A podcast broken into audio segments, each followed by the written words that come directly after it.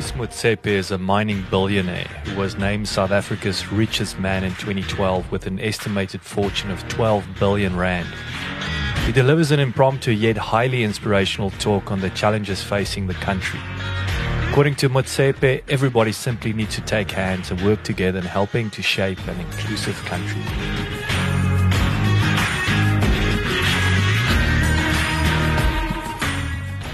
I had a brief uh, discussion with the minister last week, and she is indeed, I think, uh, people from her department are here, and uh, she is indeed coming. I suspected uh, then, because she did say to me, we had a meeting of farmers in the Free State, I think it was uh, sometime last week. She did say that she was in Cape Town and and it is very, very important for her to be here, and she's rearranging all sorts of arrangements to be here. My suspicion is that uh, South African Airways is doing what South African Airways does so often. So I'm, I'm, I'm absolutely confident for what it's worth just to indicate that uh, I, I uh, absolutely think that she'll be here. Just, two quick remarks. Let me uh, start by thanking Dan and Omri and Gumenda Wasekaya and, and everybody else who's part of Agri SA and, and, and, and everybody who's here with us today. And I also want to thank uh, every single province. Dan, Omri, and I went to all of the provinces together, every single province last year. And, and really, we want to thank all, every single leadership uh, of the provinces for hosting us. It's, uh, we, are, we are most, most grateful because uh, we have an absolutely clear understanding of the challenges that confront this country. But before I say what I said at this meeting over the weekend, where there were many uh, AFASA, you know, we, we have to work with everybody. We have to work with everybody, and we will work with everybody. But let, let me just say two quick issues before I conclude and, and you can go on with your program. Number one is that uh, it is very difficult to motivate people when everything that's happening factually and the experiences of everybody is justifiably negative. Dit is baie baie moe- moeilik en mate amper onmoontlik wanneer uh, wat ons ervaar elke dag op ons plase, ons families en wat plaasvind in ons land. En, ek praat spesifiek oor die feite en wat in ons kop staan. Dit, dit is moeilik om uh, om 'n mate van vertroue op te bou en te glo dat dinge sal beter word wanneer alles feitelik negatief is. You know what is very interesting is when I sit and speak with uh, black farmers, when I sit and speak with our traditional leaders and uh, religious leaders, en en ek ek ek, ek wil net sê dat dit is so belangrik. Dit is so belangrik dat ons altyd bid en dit is baie spesiaal.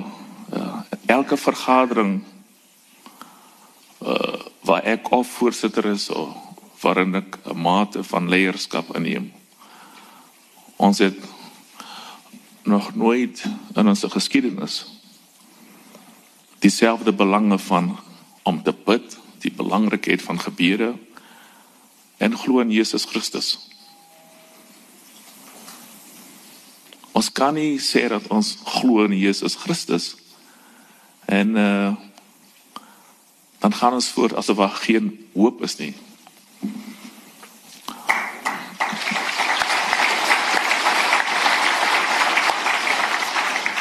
So I, I absolutely, so I want to go back to what I said.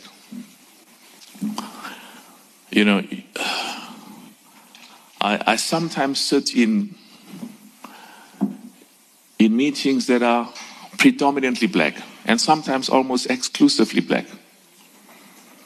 And the degree of pessimism, the degree of lack of inclusivity, the degree of lack of hope that things will get better for me.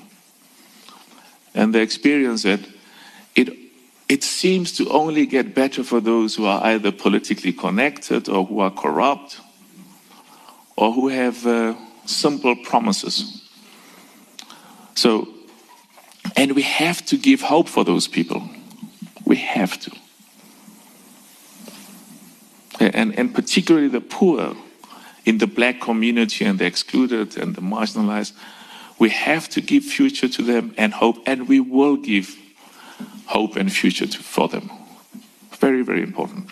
And not in terms of what we say or in terms of the promises, because the credibility level of politicians, not just in South Africa, worldwide, is at an all time low.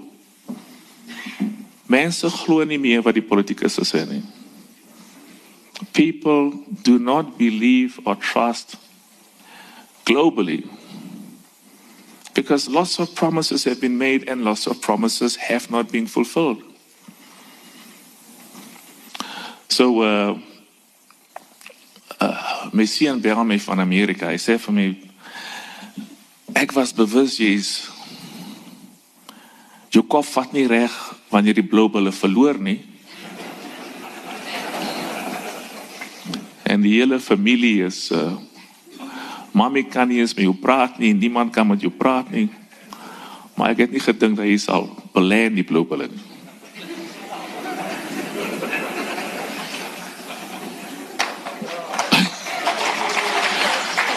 Toe sê ek van, moenie glo wat jy lees in die koerante nie.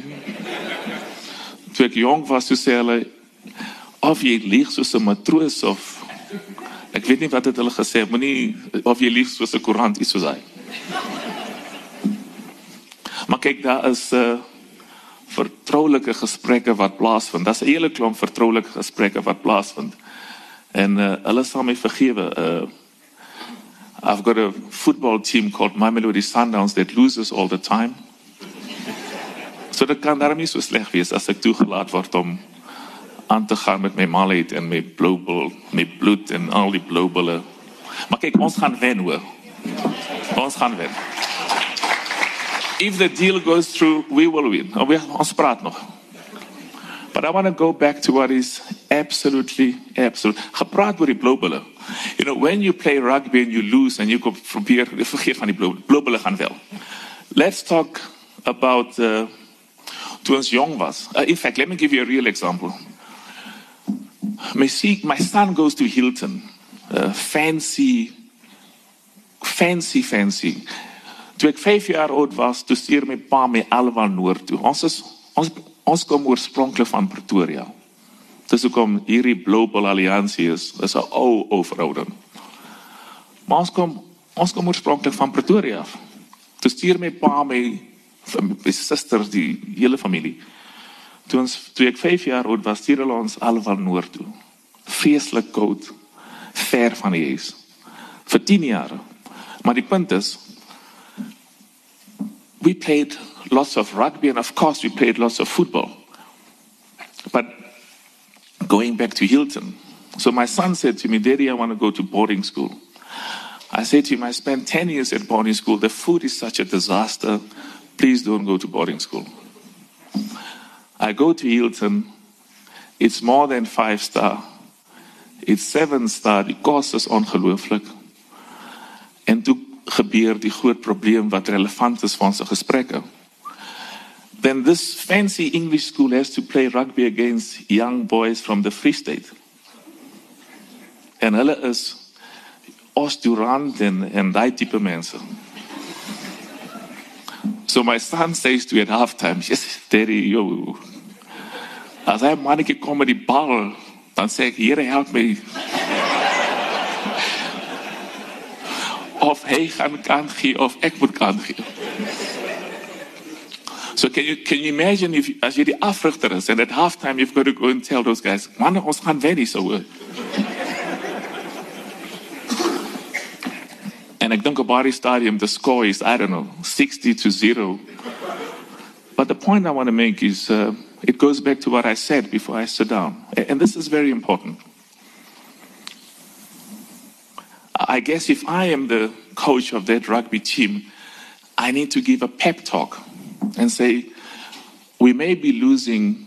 I'm at this Hilton school, and they're playing against this team from the Free State. And the score is, I don't know, 80 0 or 60 0. And I have to say to them, guys, we are going to win. And they look, they look at the halfway line and they say, we might win, but not against these guys.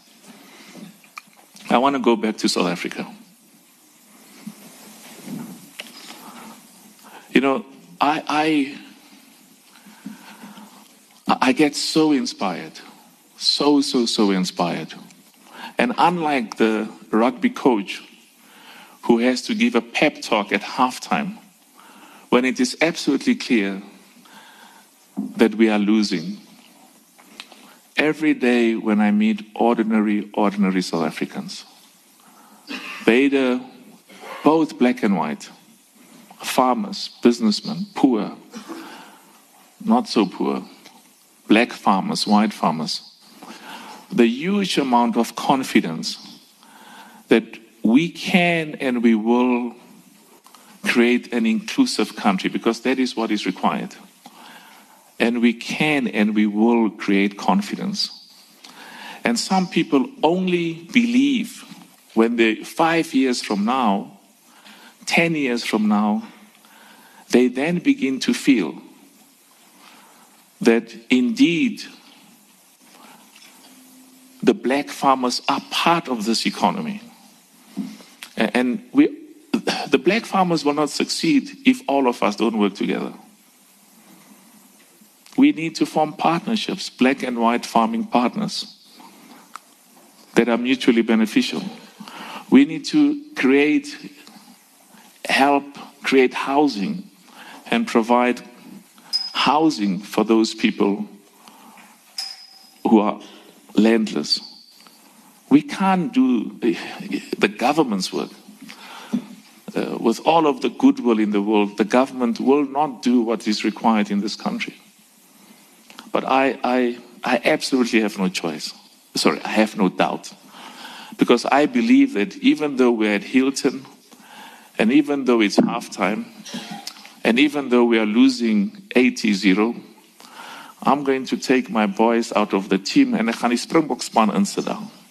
Want ons is die span. And we are going to win.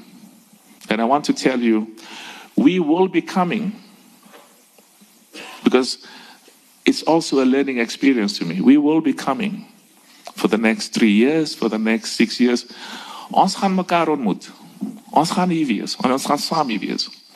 Vir die volgende twee jare, vir die volgende vier jare, zes jare, tien jare, vijftien jare. En ek wil hê ons moet mekaar in die oë kyk.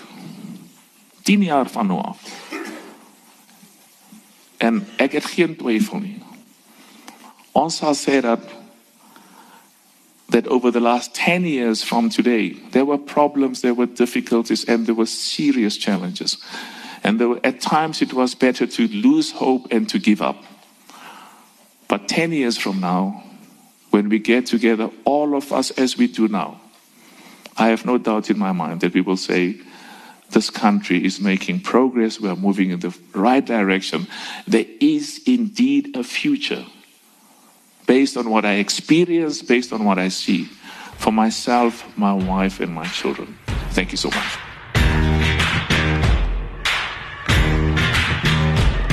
John Deere Africa hopes you've enjoyed this podcast episode.